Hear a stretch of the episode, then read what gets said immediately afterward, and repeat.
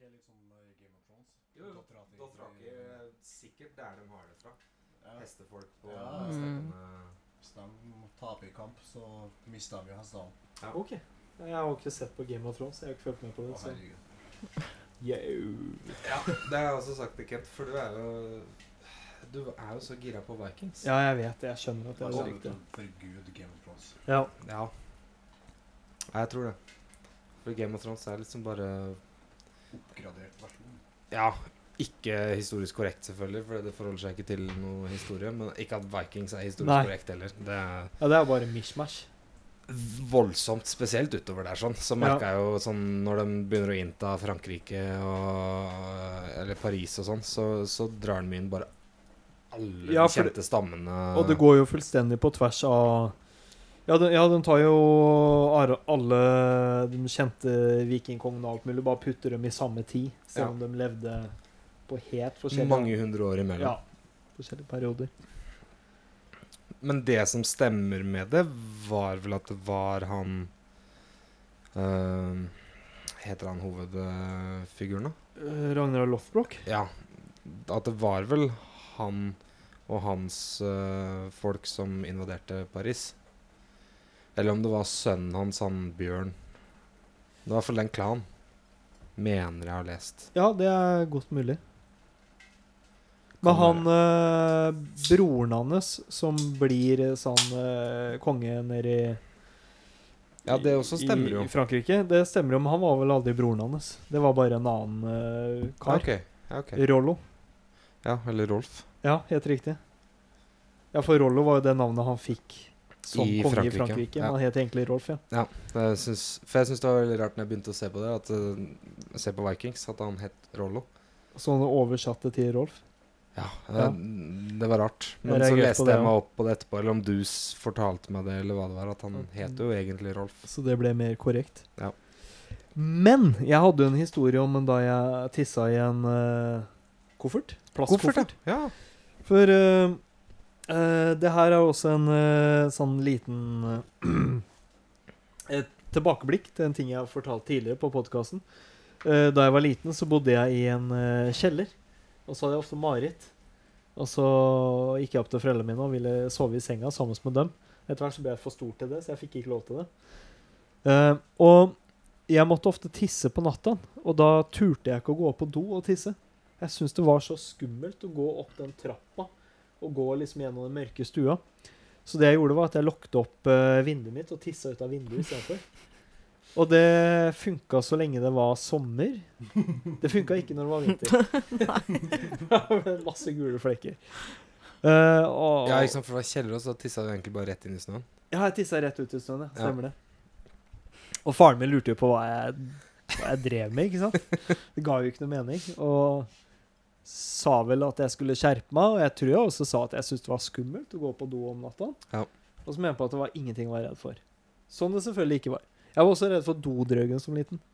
Det kan jeg komme tilbake til. Husker også Dodraugen. Jeg vokste opp øh, øh, med alle, alle, alle somrene mine var ute på Hvaler. Med utedo på Sjøbu og fy full pakke. Jeg trodde på Dodraugen. Jeg tror alle barn gjorde det på et eller annet tidspunkt. Ja.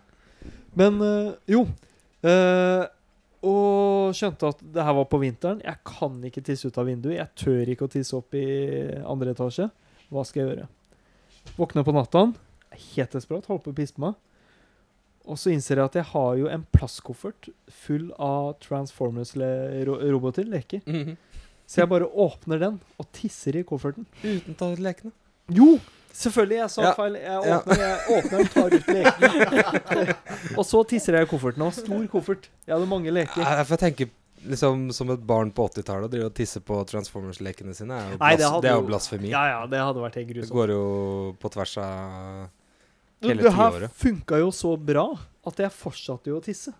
Men jeg skjønte jo ikke at på et eller annet tidspunkt så måtte jeg jo tømme den Ah, der kofferten. faen! Så du fylte Så kofferten jeg, og det lukta så sinnssykt. Men jeg tror nok jeg vente meg til lukta.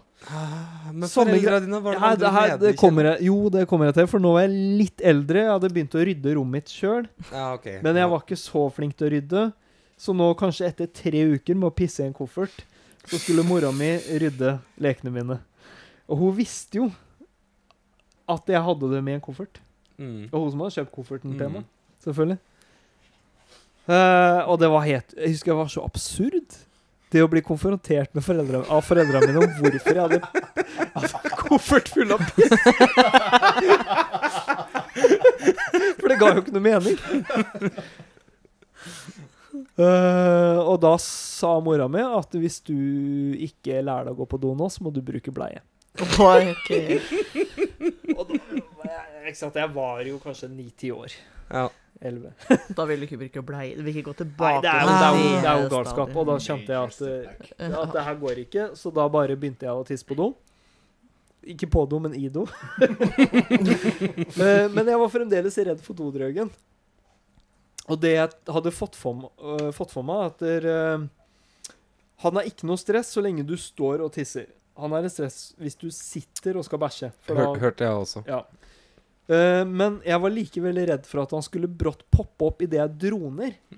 Så jeg var redd for å dro, dra ned i do. Så jeg dro ikke ned i do. Eh, og da fikk jeg kjeft for at ikke jeg dro ned i do, så jeg skjønte at da må jeg dro, dra ned i do. Men jeg var så redd at jeg tok først tissa, vaska henda, og så sto jeg ved toalettet, og så dro jeg ned. Og idet idet jeg dro opp den, eller dro ned i do, så løp jeg ut av do. Ja. For å ikke bli konfrontert med monster. Men jeg trodde på sånne ting da jeg var, jeg var liten. Trodde du på sånne ting? eh, Ja, dodraugen husker jeg onkelen min uh, fortalte meg om. Ja. Skremte meg med. Og det er jo helt uh, bakvendtland, for hvorfor skal du skremme et barn fra å gå på do? Mm. Du vil jo Ja. at barn skal lære å gå på do, og det altså, så tidlig som mulig, kanskje helst. Ja. Så det skal ikke være noe farlig med det. Så Men det er den veldig der, typisk eh, onkler. Ja. Som Slemme bare onkler. kommer inn Ja. og skal Fucke opp for søstera si. Ja, ikke sant? Rett og slett. Pass på det bare glasset, Pass på, å skyve Skyv det litt lenger inn, så ikke han velter det. Han har lett for å knuse glass. Men for oss oppe i Trøndelag så var det jo faktisk den største skrekken var Hufsa. Hufsa Fra Mummi. fra Mummi. Hun var jeg også dritredd for. Det var det verste vi kunne møte. Ja. Men vi visste at Mummipappa hadde gevær. Ah. Så hvis faren vår hadde gevær, så var vi trygge for huksa. Ja. Så bra. Det, var, det er helt nydelig logikk, og det er en logikk jeg kan forstå. For uh, Og på landet har jo Altså i Trøndelag så har jo alle, alle gevær. geværet. For alle driver med jakt. Ja, selvfølgelig. Så Jeg, jeg var var jo kjemperedd for Hufsa. jeg var aldri redd for husa. Nei, Jeg syns hun var helt jævlig. Ja, hun er skummel, men jeg var ikke redd for det. Jeg skjønte at det hun var ikke ekte. Det jeg, det jeg var redd for, spesielt da jeg sykla Uh, etter jeg hadde jeg, Det var sånn lite skogsholt jeg sykla gjennom som liten. Etter jeg hadde besøkt noen av kompisene mine som bodde oppe på Vallefjellet. Som var sånne blokker. Ja. Da trodde jeg at det var varulver. uh, og så måtte jeg på en måte, Jeg måtte finne på noe rasjonalisering for hvorfor jeg skal sykle gjennom et skogsområde med varulver. Jeg først og fremst tror at det er varulver, varulver der. Eh, og da fant jeg på at det her er en snarvei som jeg har sett ungdommen ta med moped.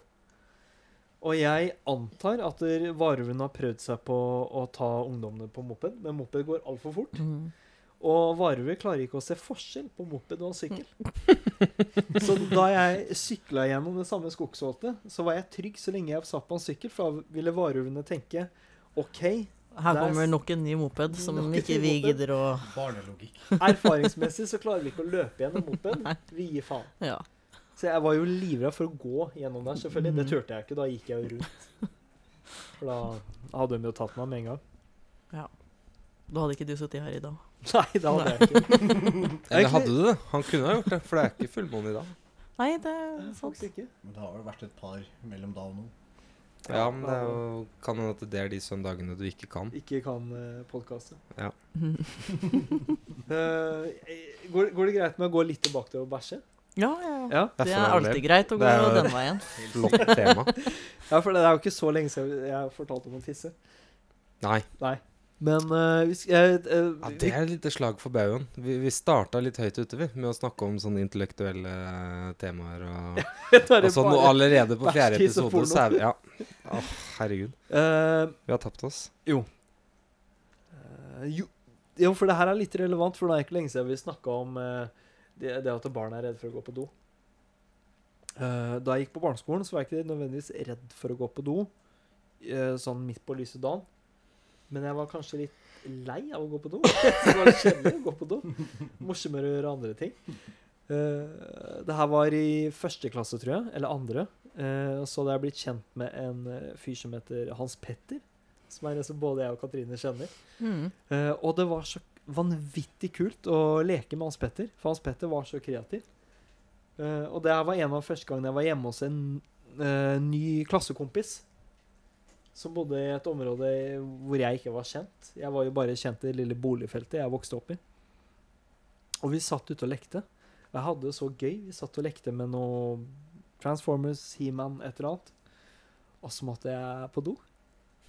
Jeg måtte bæsje. Og jeg tenker at der, hvis jeg går og bæsjer nå, så ødelegger jeg den gode stemningen vi har. så da er det bedre å bæsje på seg. Jeg vil ikke bryte opp leken. Så da, da bæsjer jeg på meg.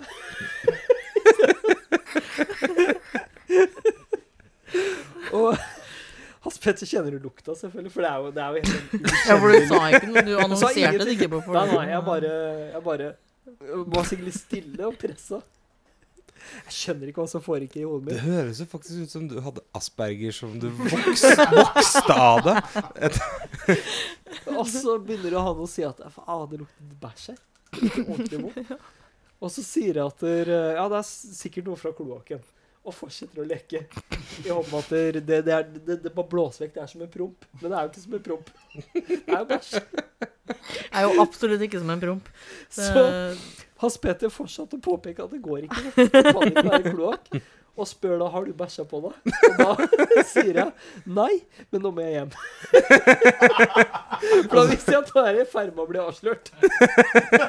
men du klarte Du fikk noen minutter til da, eh, med Med lek. Etter, eh, Det ga ikke noe mening. Jeg kunne jo bare spurt kan jeg låne doen din, og så kunne vi fortsatt leke kanskje to timer. Bæsje på meg istedenfor. ah, herregud. Eh, Nei, Og så gikk jeg hjem, og jeg var så utrolig glad for at dere Enten så skjønte ikke Hans Petter hva som hadde skjedd, men det må han jo ha gjort. Man fortalte det til- tilsynelatende ikke, ikke til noen, for det, det hadde du blitt mobba for på barneskolen. Mm, ja. Å ja. Og det, jeg herregud. hørte det ikke fra Nei, det ble ikke nevnt. Så Nei. det, det passerte tydeligvis. For en snill fyr. Ja, ja. ja, Virkelig. den gangen. Det var sympatisk gjort. den gangen, Ja. Det var et stempel du aldri. Nei, ute ungdomsskolen, liksom. Det, om det så skjedde i andre klasse, så hadde du det på deg resten av skolegangen. Det er jo Eller tiende, for din saks skyld. At du dreit på deg i tiende klasse? Nei, nei. Ja, nei. Det er jo en på Greåker som jeg ikke jeg trenger ikke å si navnet engang, for det virker å uthenge, som bare heter Beep Møka. Fremdeles. Ja. Og han bæsja på seg på barneskolen. Mm. I Eldre enn meg. Så han er vel nærmere 40. Mm. Og folk omtaler han som det Nei, Nå er det lenge siden jeg har hørt noen snakke om han, men i hvert fall for eh, ti år siden, da, så var han jo 30. Og da ble han fremdeles omtalt som Beep Møka. ja. Men, men ja, sånne lokale kallenavn som det der sånn, er liksom det første du får, og det, det blir igjen. Mm. Du hører det på puben den dag i dag. Selv om Ja, de er- folka det gjelder, er kanskje 50-60 år. Og så er det så urettferdig, for det er ofte ting som alle har gjort. Ja, ja. Og så er det bare at noen får det hengende ved seg. ja altså, Andre du er har ikke fortalt om det. Hæ? Andre har ikke fortalt om det. Ja, det er ikke Men så... noen forteller om det. Ja. Det er så dum å si det. Blir det sittende? Spydde på meg sjøl på busstur en gang. Eh, på speiderleir. På vei til speiderleir. Du har gjort alt, du, Kent. Jeg har det. Egentlig en ganske stille og rolig fyr, men har gjort mye Mm. av den type ting. Jeg har vært flink til å både tisse, spy og bæsje på meg. Jeg har ikke reist så mye, men det. Men det, var- jo noe jeg fikk høre under hele speiderleiren. Det er ikke så lenge siden jeg tissa på meg. da. Det er bare noen måneder siden. Ja, litt på buksa, eller sånn fullstendig Det er sånn fullstendig. Hvordan klarte du det? Ja, det var jo mm, eh, Når jeg kollapsa på øving Ja, selvfølgelig. Det er i eh, februar. Når jeg, når jeg hadde vært, bare vært så stressa så lenge med all den jobbinga og giggene og alt mulig. At det resulterte i et sånn ja, stress-angstanfall. Jeg hadde ikke sovet, ikke spist, uh, ikke slappa av, ingenting. Bare kjørt døgnet rundt i jeg vet ikke, halvannet år eller noe sånt. Nå. Det, gikk jo, det gikk jo rett i gulvet. Ja. Da tissa jeg på meg. ja, for da du Ja, det var et eller annet med at jeg var hjemme hos deg og spilte noe spill. Og så var det Erik som skulle ta på et eller annet, og så sa du vel at det er det den der jeg tissa på? For det ja, du lomma di. Det stemmer! Det var uka etterpå. Ja, da trodde jeg at du tulla. Jeg trodde ikke Ja, at du nei. tissa på det. Nei, nei, jeg hadde jo tissa på, på den eh, lommeboka. Ja, helt riktig. Jeg tissa på lommeboka di. Ja. Noe av måten du, for måten du sa det på, så virka det som du hadde plassert lommeboka foran deg og konkret tissa på lommeboka di. Ja, nei. Nei, jeg hadde hatt den i lomma når Ja. jeg kjørte på legevakta. Ja. Men det var vel Kristoffer Schou som har sagt at du er ikke Åh, nå skal jeg nå, Nei, du er ikke ekte mann før du har driti på deg? I voksen alder. Ja, ikke sant? Helt riktig. Nei, jeg har jo en historie. Jeg har, uh, har hatt et uh, uhell jeg òg, i senere tid, for å si det sånn. Der, Ja. Ja, ja. Det. Det var vel eh, Det var etter at jeg hadde flytta til Trondheim, og så var jeg på besøk hjem til mamma. Og så var jeg ute på fest sammen med noen venninner. Kom hjem og la meg på stigende diverse rus. Ja. og Ja. lå og kosa meg i senga, skulle bare slippe en liten fis. Men det gikk ikke helt som planlagt. Så jeg måtte bare forte meg opp og kaste G-streng og laken og det som var, eh, uten at mamma merka det. Madrassjern også, kanskje? Ja, håndkle gikk jo med, og litt sånt. Mm. Eh, tenkte jeg bare, så lenge jeg får sneket ut det her, så går det bra. Jeg var jo helt i en annen verden, Ja. så jeg hadde ikke kontroll. Men uh, det var min siste gang da, kanskje et par år siden. Fortalte du ingenting om når jeg fortalte min jobbhistorie? Nei, det, det Da var vi ikke i en setting hvor vi skulle dele sånne historier. Men eh, ja, du har jo din, du òg, så det går jo Da greit. syns jeg eh, Børge kan få lov til å Ja. fortelle sin historie, Ja. hvis han Ja, ja, det tar mikrofonen der. Ja. Nei, altså Jeg er jo ganske kjent for å Altså, må jeg fise, så Produserer mye gass. Jeg produserer mye gass. Ja. Altså, må jeg fise, så fiser jeg. Ja. Det jeg holder ikke tilbake. Det er veldig lite fløy for det. Og spesielt på jobb, der jeg jobber med en fyr som jeg har jobba med i mange år. Som jeg har kjent siden jeg var tolv. Så vi er jo gode venner. Hva, hva slags jobb er det? Eller hva, hva sånn cirka Byggebransjen. hva- Byggebransjen. Ja. Ja. Så det er jo veldig lite Ja. Da blir enda mindre stigma. Ja, så, lenge du, liksom- så fort du kommer inn i byggebransjen, så er det liksom alt Vi står liksom i hver sin gardintrapp og monterer og holder på. Og jeg føler jeg må slippe en fis. Jeg slipper en fis, det går helt fint. Han flirer veldig mye, for det er jo ganske høyt. Og det går greit. Det går en fem-ti minutter, og så må jeg slippe en til. Og jeg slipper den, og han flirer akkurat like mye. Jeg kjenner at det var ikke en fis. og han står Han vet jo ingenting, så jeg går jo bare ned fra gardintrappa, og så ser han at, jeg- at jeg går bortover gangen som at jeg har blitt pult i ræva. Og Og han vet at du ikke har blitt pult i ræva. altså, han, han lurer jo fælt på hva som har skjedd. Og det som skjer i dagens teknologi hver dag, er at når jeg kommer på do og ser hva som faktisk har skjedd, er jo at det var jo ikke bare en fis. Nei. Det har jo kommet mer. Så jeg tar jo da Olofva-kniven, altså en veldig skarp kniv, og bare skjærer av meg bokseren. Ja. Smart. Veldig Det smart. Og legger er den pent i søppelkassa. Ja, elegant. Tar en snap av den og sender til kollegaen Å, min. Å, Og beklager og sier 'det var ikke en fis'. Åh, ja, ja. Så, og det, er- det er jo faktisk bare tre måneder siden. Ja. Ja. Så det, ja, men det er fort gjort. Det er det- Men du, men du hadde veldig flaks, da. For da, hvis du jobber i byggebransjen, så regner jeg med at du gikk i sånne tjukke snekkerbukser. Ja, altså flaksen var jo at jeg kom meg så kjapt på do at jeg rakk å skjære av bokseren før, Før det for igjennom og videre ut. Og, ja, så jeg snitta den bare fint av på hvert lår og bare la den i Som ei bleie. Ikke sant? Men å gå i fire timer i ei snekkerbukse uten bokser, er ikke så behagelig. det vil ikke jeg anbefale noen. Nei. Nei, for da har du gnagsår på ballene. Ja, for det er litt for grovt. Det er eh. veldig grovt. Ja, okay, for, ja, det har ikke jeg prøvd. Uh. Du kan prøve, og det er ikke godt. Nei, nei, jeg, jeg ser poenget. Ja, takk til Børge, som delte en veldig personlig historie. Um, Det var jo litt sånn jeg la som det ikke skjer, var det jeg opplevde da jeg gikk på Borg videregående. Uh, og så var det siste skoledag før uh, vinterferien. Uh, og så tok jeg bussen fra Sarpsborg til Rålsøy. Ja. Og så skal jeg gå av bussen, og så er det veldig mye trafikk. Og det var masse snø på veien da. Det snødde noe voldsomt. Ja. Så bussjåføren måtte vise, vise litt hensyn før han faktisk bare kjørte ut av den der bussholdeplassen. mm, For ellers så hadde biler kunnet sklidd i snøen og alt mulig, og det kunne bli kollisjoner. Ja. Så jeg går av bussen og går langs bussen, mens alle de andre skoleelevene som ja, har forlatt videregående skole og skal ta ferie, sitter der. Uh, og jeg har da på meg militærstøvler som jeg har knøtet hva skal jeg si, i bånn av støvelen. Skjønner du hva jeg mener? Jeg har ikke, jeg har, jeg har ikke helt, helt ikke alle de hempene opp. Så, så det er sånne store løkker Mm. uh, som, som er litt sånn risikofullt. For det som skjer, er at en av løkkene fester seg i hempen på skoen. Det har jeg opplevd. Så det blir jo som at beina dine brått, brått blir bindt fast. Og så får du sånne megakorte skritt. og så mister du balansen, og så tryner du. Ja. Så jeg tryner jo da foran bussen. Eller ikke foran, på sida av bussen. Ja. Så jeg går jo sånn virkelig på snørra. Eh, og jeg hører at folk hamrer på vinduene. Ja. Og jeg hører dem ler inni bussen. Og så tenker jeg det her skal ikke jeg anerkjenne. Jeg later som jeg er død.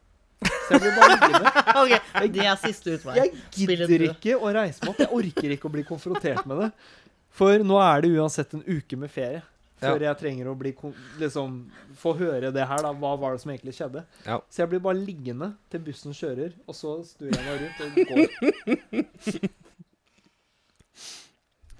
Men Katrine, Mm. nå som du er her Mm. Jeg er jo veldig interessert i kampsport, uten å Mm. noen gang ha drevet med det. Og selvfølgelig Burde begynne med det. Burde prøve det. Ja, jeg, jeg veit. Men, men du, du driver jo med brasiliansk jiu-jitsu. Mm. Hvor lenge har du holdt på med det? Eh, Jeg har gått ferdig i grunnkurset nå, Ja. så nå eh, begynner jeg på videregående kurset. Og da begynner du med graderinger, eller har du allerede Nei, gradert? Det tar lang tid før du får noe gradering i brasiliansk jiu-jitsu. Ja, okay. Det er vel eh, Ja, når du har holdt på en tre år, så begynner du å nærme deg blått belte. Og det er liksom første steg opp. Det er Er det såpass, ja. ok? Så du går fra hvitt til blått? Ja. Bortsett fra BJP-en. Ja, noen er jo eh, har jo gradert raskere fordi at de har via kanskje 20 timer i døgnet til å øve på det og er naturtalenter. Men det er, eh, det er mye å lære, og både teknikk og det mentale, på en måte, som det, ja for det, det, det er færre belter i jiu-jitsu enn i karate. Ja, ja, det er det. Det, det er Ja. hvitt, blått, eh, lilla, brunt og svart. Så, Ja. og du, det, som regel så bruker du ti år på å komme til svart. Jeg Mm. må bare spørre Børge en gang til. Mm. Eller en gang til, jeg har ikke spurt i det hele tatt. Eh, Men jeg ble så nysgjerrig. Hvor lang tid var det BJ Penn brukte på å få svart belte? Litt usikker, men ifølge internett og de kildene jeg har funnet, så brukte den litt over tre år. Ja, nei, men det kan nok stemme. Jeg Derfor har tror jeg vært kalt som The Prodigy i Ja, ikke sant? det er derfor. sant? Men det er veldig mange som driver med no-gi, da, som eh, har holdt på lenge uten å ha fått noe belte. Så Ja. det er mange det som har gått uh, nesten rett til svartbelte, men de har holdt på med Ja, no-gi fordi du får ikke belter når du holder på uten gi. Nei, veldig mange får ikke det. Nei. Og gi, for dem som ikke vet, er Den hvite drakta. Ja. Ja. Karatedrakta. Ja. Nei, ikke sant? Ja. For da holder du på, med, holder du på i trikot isteden. Mm. Hva gjorde hva, hva, hva, hva er årsaken til at du valgte å gå for brasiliansk jiu-jitsu? Eh, nei, jeg ble jo fascinert av kampsport når jeg så på eh, UFC og sånn der type ting, da. Ja. Og så syns jeg at det er litt mer fascinerende Litt mer grasiøst, det her å bare så ligge på bakken og rolig eh, ta kontroll over personer, Ja. istedenfor den der barnslige slå og sparke. Ja. Det, det kan alle, tenker jeg. Og så er det jo Ja. greit å ta vare på hjernen din òg. Ja, det er noe med Det det er òg. ikke noe fordel å få for mange slag Nei, i så hodet. syns jeg det er litt sånn eh, Ja, jiu-jitsu er litt mer sånn rolig, creepy. Bare tar deg når du minst venter det. Ja. Istedenfor å bare komme med armer og bein, slenge det framover. Ja, det er det som også fascinerer meg, for jeg har jo Jeg har null øh, fleksibilitet. Uh, jeg har jo spilt Det De eneste sporten jeg har drevet med, er jo ishockey, håndball, fotball og rugby. Mm. Uh, det er jo sporter som jeg nå kjenner bare ødelegger kroppene dine for, kroppen din. For det, du, Kroppene. kroppene dine. I, i, i, de, i, de, I de tilfellene du har flere kropper enn én, da. Ja, en hockeykropp, en fotballkropp og en rugbykropp. Ja. Nei, så, så, så jeg, jeg er jo ikke Det, det fins jo ikke et ledd som jeg er myk til. Så jeg tenker jo at jiu-jitsu er det, det er nesten tapt for meg allerede. Ja, men du blir myk etter hvert som du trener det òg, da. Ja. Og det er jo ingen som har, er god på noen av de områdene du bør være god på når du begynner med det. Nei. Så ja. Det er en fordel å være sterk. Altså, alt er jo en fordel. Det er fordel å være sterk, det er fordel å være myk, og det er fordel å ha det psykiske Lange armer òg? Lange armer Ja, altså grepsstyrke, klare å holde seg rolig. Altså alt er en fordel, men det er jo ingen som har det når du begynner, og du ikke aner hva du går til. Så Nei. de fleste får jo en sånn eh, Kanskje når du er halvveis i grunnkurset, da. Plutselig så går det opp for deg hva du driver med, og hva, hva målet er. Det som hadde vært en veldig morsom video, uh, er jo selvfølgelig at eh, Katrine submitter meg og deg. På likt. Ja! Ja, for det tror jeg du hadde klart. Uh, nei. Altså, Nei, nei, nei, en- ikke, en- ikke, en- ikke en- samtidig. En, en, En en en knelås på meg, så hadde jeg tappa med én eneste gang. Ja, det, det, det kommer helt kommer helt an på. Altså hvis du, sånn som du da, er jo interessert i, i kampsport og ser på UFC og sånn, så jeg regner med at du har litt peiling på hva som lønner seg å gjøre og ikke. Ja, men, Altså- det, men det, er altså det Når du er i den situasjonen og jeg kan, jeg kan sitte og se på en kamp og tenke at ah, du må gjøre sånn og sånn og sånn, men hadde jeg vært i den situasjonen sjøl, så hadde jeg, jeg hadde bare uh, lagt der og sprella med beina. Ikke sant, og blitt, Ja, for det er det folk gjør feil. De begynner å sprelle. Og det, Ja, er- ja, ja. Det, de, ja, jeg vet jo det. og det er, sånn så, det er så rart, for jeg gjorde det samme. Jeg gikk jo to måneder på shootfighting da jeg var eh, to eller 23. Mm. Eh, og i shootfighting så er det jo både sånn stående kamp og mattekamp. Mm. Eller bakkekamp, eller hva det heter. Ja. Og da første gangen jeg skulle ha det, så begynte jeg å sprelle. ja. Jeg visste ikke at det ja, men alle gjør det i førsten. Det er helt Du, du tar ut all energien din på å sprelle i to minutter, og så er du ferdig. Jeg husker, jeg husker instruktøren sa hva, hva er det du driver med? ja. Fordi alle andre som gikk på shootfighting, hadde bakgrunn fra andre kampsporter. Mm. Uh, jeg var den eneste som ikke hadde gjort noe før. ja. Det er jo en panikkreaksjon. Ja, det er Mm. akkurat det. Ja, ja. Du vil bare komme deg ut. Ja, altså, tar ut all energien din. Men egentlig så skal du gjøre det motsatte. Du skal Ja. ligge og være rolig, spare all energien du har, og bruke så mye teknikk som mulig, bare. Ja. Så, Men for meg så ga det mening å bare nesten ja, selvfølgelig. Det er jo instinktet som som sier sånn at du skal gjøre det. fisk som bare lå og sprella. Ja. En desperat aksjon for å komme seg løs. Ja, helt riktig. Det er også noe jeg lærte å gjøre Når jeg spilte rugby. Var bare å gjøre så mye motstand som mulig. Gjerne slå motstanderen Mm. i ansiktet, Kan du slå i rugby? ja, så lenge, Eller har det Så lenge dommeren ikke ser det. Ja, det var det første jeg lærte. Så lenge dommeren ikke ser det, så kan du gjøre hva du vil. Mm. Det visste jeg ikke. Og det fungerer vel nesten også i praksis. Eh, Ja. På proffnivå så er det vel videodømming og sånn, så da kan du vel ikke slippe unna med alt som helst. Men eh, jeg husker jo Jeg tror jeg lærte det på første eller andre treninga, at liksom det beste trikset gutta på det laget jeg ble med på, hadde, var jo når du takler noen, takler noen er jo eh, For da, da havner du oppå noen, ikke sant, så har ballen gått videre. Er å bare sette én knyttneve i halsen på noen og én i, i ballene. Og så bare løfter du deg opp på nevene sånn. For det er jo så ubehagelig for den som ligger under. Så da, da får du en kjempefordel på han du nettopp har takla. Så da kan du bare fortsette i angrep mens han ligger bak Ja. i, i forsvar. Jeg fikk jo en sånn helt sånn merkelig oppvåkning for uh, det er vel, Å, det er ikke lenge siden, så det er kanskje halvt år siden. Uh, jeg trener sammen med en fyr som har gått litt på boksing. Og så skulle vi ha litt sånn uh, megaforsiktig, megamyk sparring på treninga, jeg og han. Mm. Og så skulle vi teste at jeg skulle bare prøve å treffe han. Eneste han skulle gjøre, er å blokkere og eventuelt bare bevege seg. Eh, og jeg klarte ikke å treffe han i hele tatt. Han beveget seg under alle slagene mine, så det var som å slå i luft. Alt. Så, han, så da skjønte jeg at hvis det er opp til han, så klarer ikke jeg å treffe hvis han ikke vil. Nei. Så han måtte etter hvert si til meg OK, nå kan du slå i garden min. Og så fikk jeg lov å slå i garden fordi han valgte at Mhm. jeg slo i garden. Men da vet jeg at hvis det hadde noen gang resultert i en ekte slåsskamp mellom meg og han, Mm. så hadde jeg ikke klart å treffe han.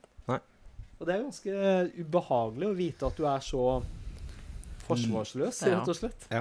Så tror jeg veldig mange som har møtt Andersson Silva, følte. Ja, For han Ja. står med hendene rett ned, ja, ja akkurat med det samme. danser unna alle slag, Ja. og så bare slår han ned. Ja. Ja, og når, når, når, når du ser en sånn kamp på Ja, i UFC, da, så tenker du gjerne fort at åh, det her er kjedelig, liksom, men Men Det er jo et ekstremt talent. Ja, ikke sant? Hvis du vet hvor utrolig flink han faktisk er Mm. til å unngå slag, så er det jo Det er helt sinnssykt imponerende. Samme med um, han um, Åh, hva heter han? Uh, er det Demetrius Johnson? ja, stemmer. Ja. Han- Han er jo Jeg tenker jo ofte sånn Jeg, jeg, blir, jeg blir aldri gira på å se Demetrius Johnson. Mighty Mouse, ja. Ja. Mm. Eh, For jeg tenker jo alltid sånn OK, det, det, er, det er fem runder med overkjøring. Ja. Men, men så ser jeg de kampene likevel, og så tar jeg i betraktning det at han er kanskje den beste fighteren i hele jævla verden. Mm. Og du, du, du ser teknikken han bruker, både altså, i grappling, jiu-jitsu, i striking, altså med boksinga og, og sparkinga og alt han driver med, så er alt han gjør, er perfekt. Mm. Og jeg lurer på For du må jo huske at dem han møter, er også i Ja, verdenseliten. de er jo det! det er jo, Mm. han møter jo bare de nest beste. Ja. De i hadde jo en hel tiden. eh, Ultimate Fighter-sesong hvor de bare lette etter én som skulle kunne ta han. Ja, stemmer. De det, samla sammen alle de beste var det forrige sesong eh, Jeg, nå? jeg tror det. Der hvor de bare var ute etter en som skulle ta han. Mm. Så, men, eh, og han, han gjorde det bra, han de fikk tak i, men eh, han klarte det ikke. Så er det best. Ja. Men så hadde jo han en eh, post på Facebook uh, sjøl for litt siden der han sa at uh, han syntes det var litt urettferdig, for han får ikke så mye PR. Og han, for at det, uh, Han det begynner å bli kjedelig. For Ja, han er sant? for god, nesten. Ja. Så folk vet at nei, han vinner allikevel. Så det Ja, men blir, kampene hans blir liksom ikke noe du vet, du vet jo det. mm. Jeg, jeg så på Før dere kom i stad, så så jeg på Dimitrius Johnson mot uh, han um, eh, Er det Horoguchi han heter? En japansk uh, fighter. Mm. Eh, det er jo der han satt den rekorden for uh, seineste finish eh, noen gang, hvor han tok den på Han submitta han, en armbar, i, etter siste sekund. Fire minutter og 59 sekunder ut i femte runde. Da hadde han Han overkjørt den i fem runder. Han Horoguchi hadde Mm. ingenting å stille opp mot, med mot han i fem runder. Så i da det 24. minutt og 59. sekund så bestemmer uh, Johnson seg for at bare ja, ja, prikken over inn er bare å få han til å tappe Mm. helt på slutten. Han, han hadde ikke trengt det. Han hadde vunnet uh, Han hadde jo 10-8 runder nesten hele kampen. Men det vil ikke være mulig for Mighty Mouse å legge på seg mer muskelmasse og gå opp en vektklasse? For å få litt mer Han er jo så liten. Mm. Han er Ja. så kjempeliten. sånn A65.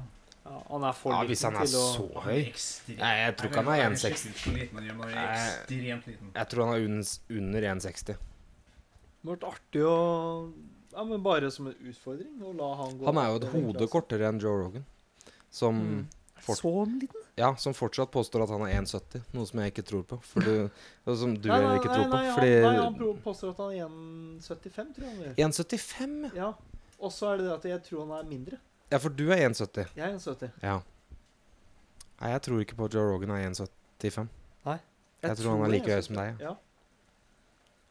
ja, for det var jo da Han er faktisk A60. Er han 1,60? Mm.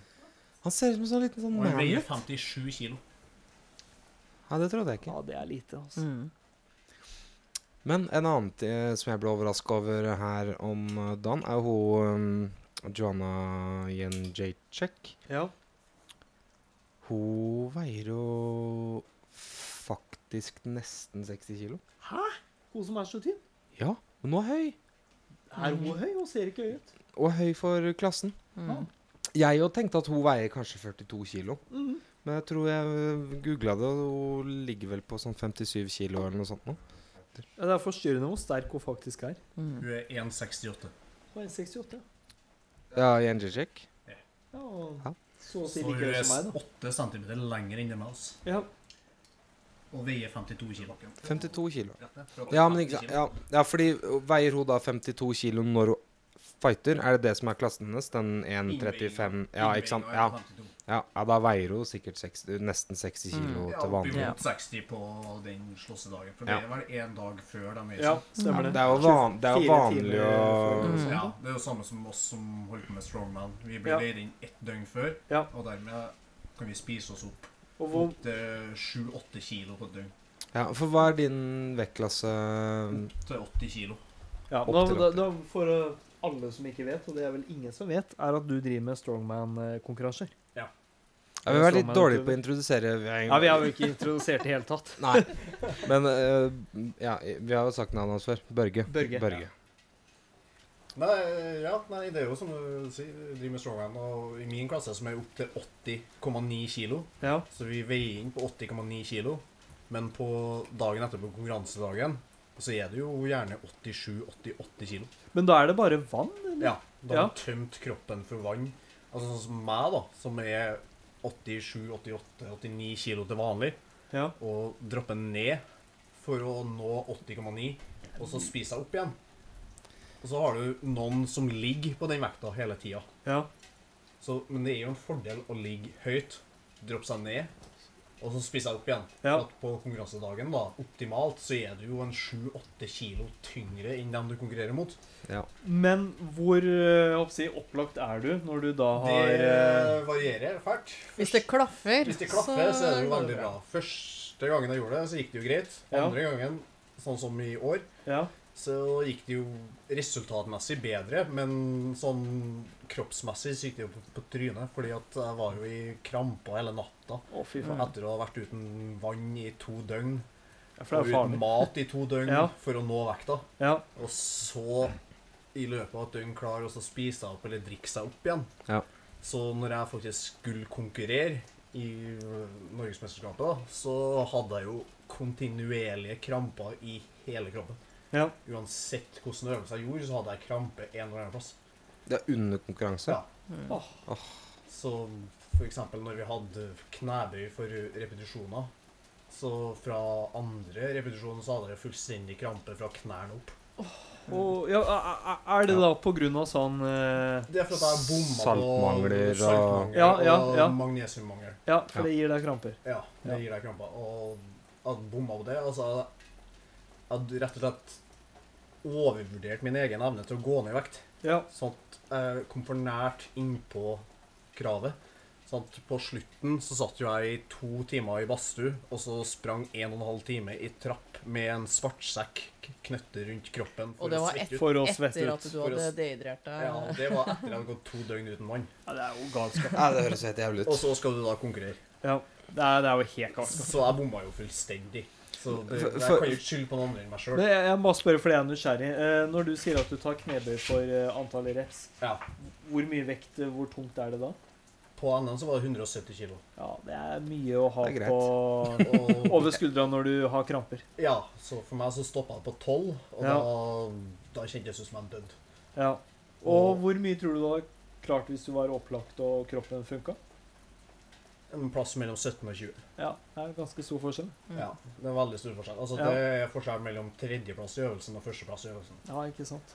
Så jeg kom jo på tredje med 12, Ja. men altså Har ikke du en, eks, altså, en god evne til å tåle smerte, så er du sjanseløs i en sånn situasjon. Ja. Min fordel var jo at altså, jeg bare Du går bare på psyken? Ja, jeg blokkerte ut smerte. Altså, Ja. det, det er bare vondt. Det, det overlever du. Ja. Det tenker jeg må vel nesten gjelde uansett. Uansett sånn sport. Det, altså, det er jo eh, derfor for eksempel i ski det er derfor Petter Northug er så god. mm. For han er bedre enn andre som tåler smerte. Ja, ja. Altså Bare det å ta seg ut når du ja når mel mel melkesyra kommer Ja. på slutten, så er For det er jo han bare psykisk. Ja, ja. Du har jo bare vondt.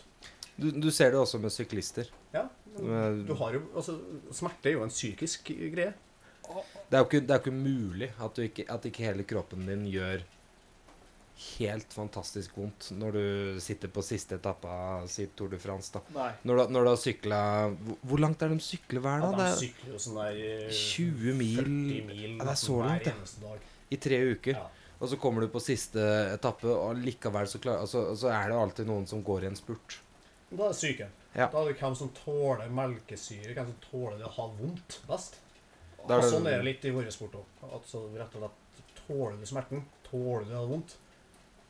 Det er ikke like mye hvem som er sterkest på den dagen. Nei. Det er litt mer hvem som tåler å ha det vondt. En annen ting jeg lurer på i forhold til uh, vektkutt, er sånn hvordan du gjør det. For spiser du deg først ned sånn uka før? Til meg så starter det ei uke før. Altså Ja. ei uke før innveiing så kutter jeg helt karbohydrater. Ja. Du slutter å spise karbohydrater, så slutter å spise Og is. salt? Du slutter, nei, det? er ikke da. Det er saltkutter ikke da.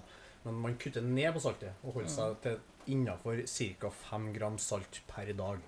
Ja, det er jo ikke Og så veldig det mye. er sånn Det er ganske mye salt. Ja, men aner du hva som er vanlig for i vanlig kosthold? Hvor mange, mange gram du Det varierer jo fælt ut ifra hva du spiser, og hva du Altså hvordan ferdig mat du tar. Ja. Når jeg er i en sånn situasjon, så lager jeg jo maten sjøl. ja, så da har du bunn full kontroll. så har jeg jo helt kontroll på hvor mange gram salt det er i det jeg spiser. Ja. Så jeg skal ligge innafor fem gram salt per dag.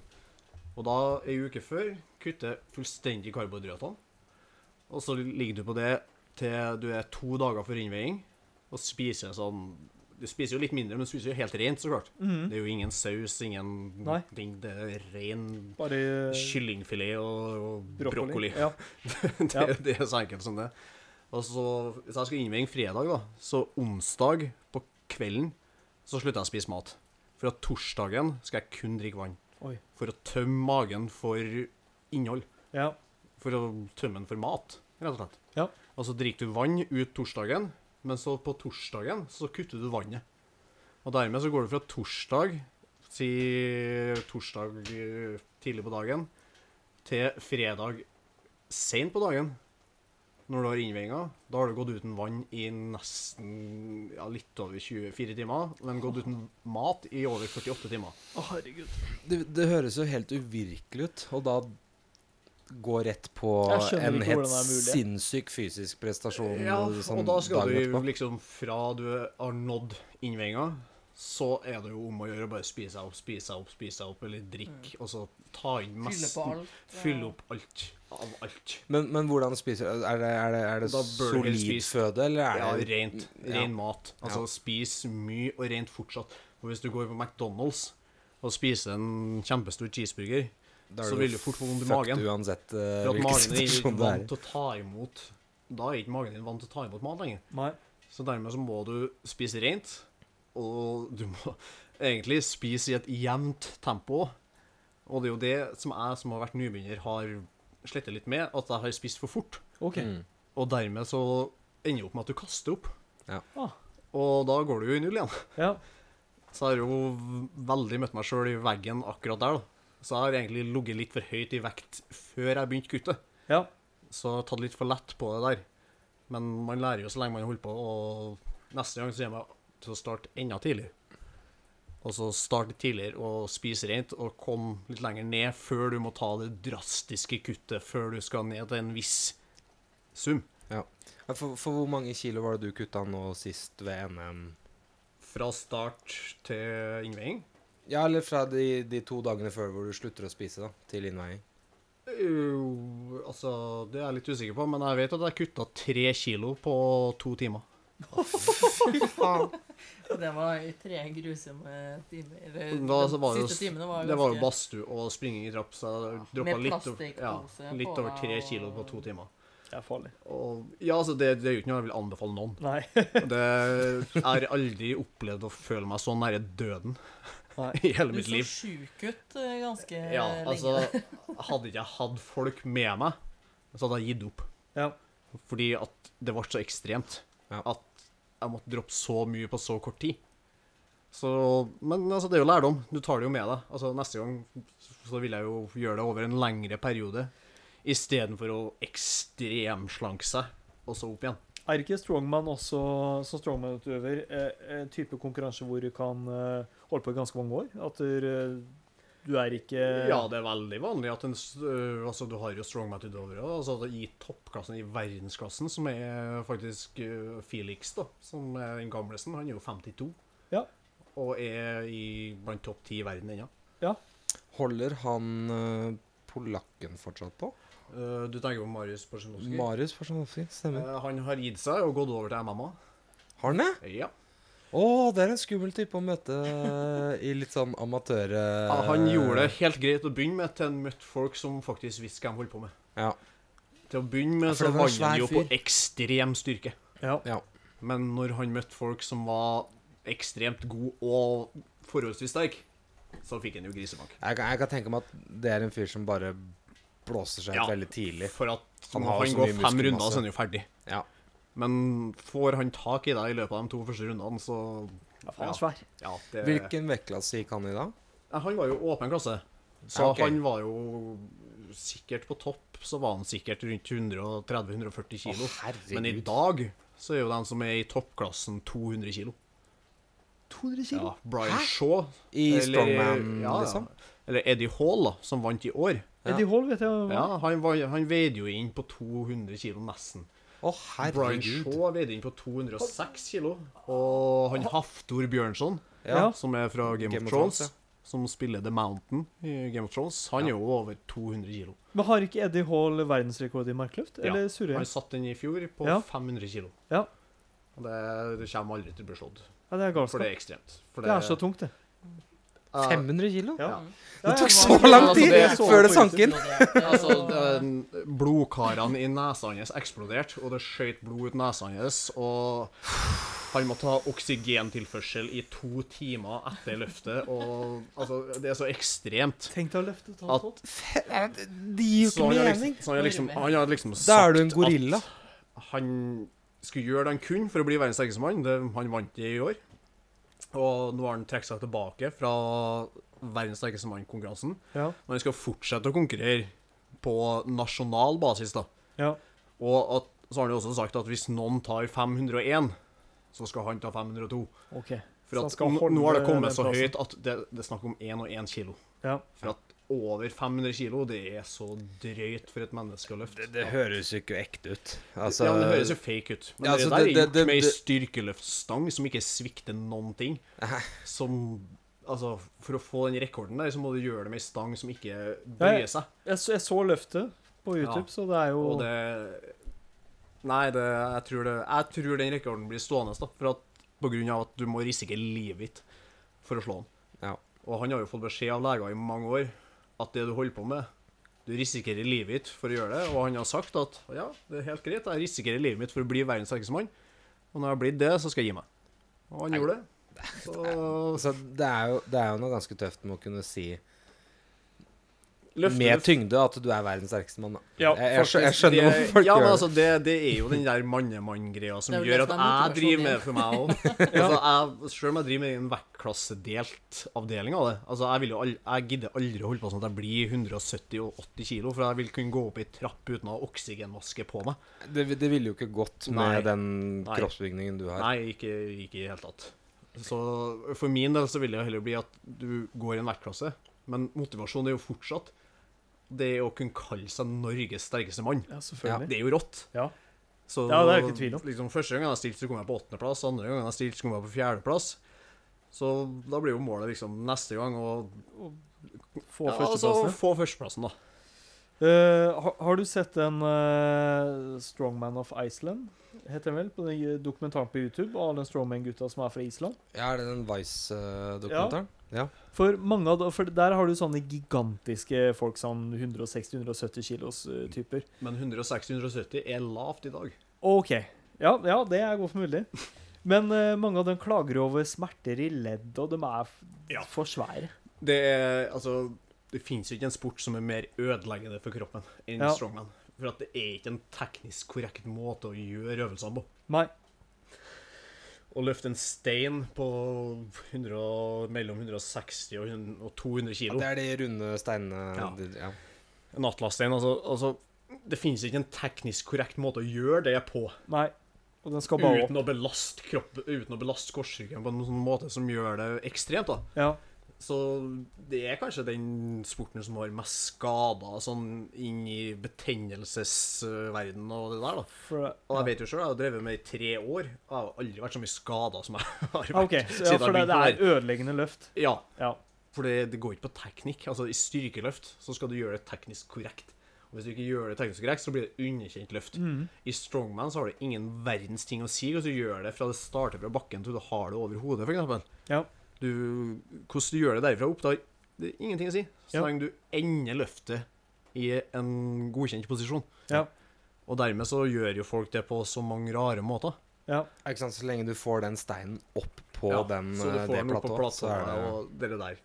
Så, sånn som de største, sånn som Brian Shaw og dere der, de løfta jo nettopp en stein på eller Brian Shaw, da. Løfta jo en stein på 255 kilo fy faen! opp på et platå på 1,20. Å, fy faen. Mens vi som er i 80-klassen, løfter jo den tyngste steinen vår, det er jo 160 kilo. Ja, det er fortsatt det Men ganske- Men prosentmessig. Så er det mer for, det dere å løfte opp. For det blir det dobbelte av kroppsvekta mi Ja. å løfte opp en 160 kilo stein. Ja. Så har han skulle gjort det samme som han løfta en 400 kilo stein. Ikke sant? Ikke sant? Så, men Det er vanskelig å sammenligne, men det er ekstremt belastende for kroppen. Hvor tung var du, Kristoffer, da jeg tok med deg på den uh, første turen vi gikk i skogen? Da var jeg nok 145 kilo. For det var jo en tur hvor uh, Jeg husker jo det som et helvete. Ja, men det var det. Fordi jeg gikk opp noe av det bratteste fjellet jeg vet om i Fredrikstad. Ja. I regnvær. Ja. Hvor Det var du glatt, og sklei jævlig. og Tryna ut i gjørme. og- Ja, stemmer det. Ja. Det var fin tur. Jeg husker det ikke som det, men eh, Det er forståelig, for det er litt forskjell på kiloene man drar med seg opp. Ja. jeg var i så dårlig form, jeg, da.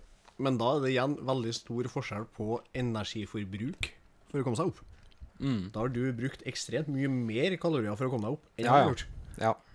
Det er klart. Så derfor så, det er derfor det er lettere for en sånn som når du ser på sånn der eh, dere, Hva heter det programmet fra USA der de går ned sånn ekstremt i vekt? Dere Biggest Loser, Biggest Loser, eller hva Ja. det heter for noe. Og når du ser der, så ser du sånne der folk som går ned sånn der sju, åtte, ni kilo i uka til å begynne med. Ja, men, Men det er jo at de har jo et ekstremt veier overforbruk å ta. 220 kilo fra før av. Ja. De veier jo sånn der 50-60 kilo mer enn de skal Mm. i forhold til høyden sin. Sånn at med en gang du faktisk justerer kostholdet og begynner å røre det, så vil jo kroppen ned. Jeg må tenke på å sykle hjemover. Du må tenke på å sykle hjem Ja. straks. Og vi må tenke på taxi hjem. Nei, men eh, jeg syns, jeg syns det var kult. Det er Ja, fint, det. mest interessante vi har hatt uh, så langt. Det, Ja, det hjelper å ha Hjelper å ha gjester gjester. Så dere er velkomne igjen.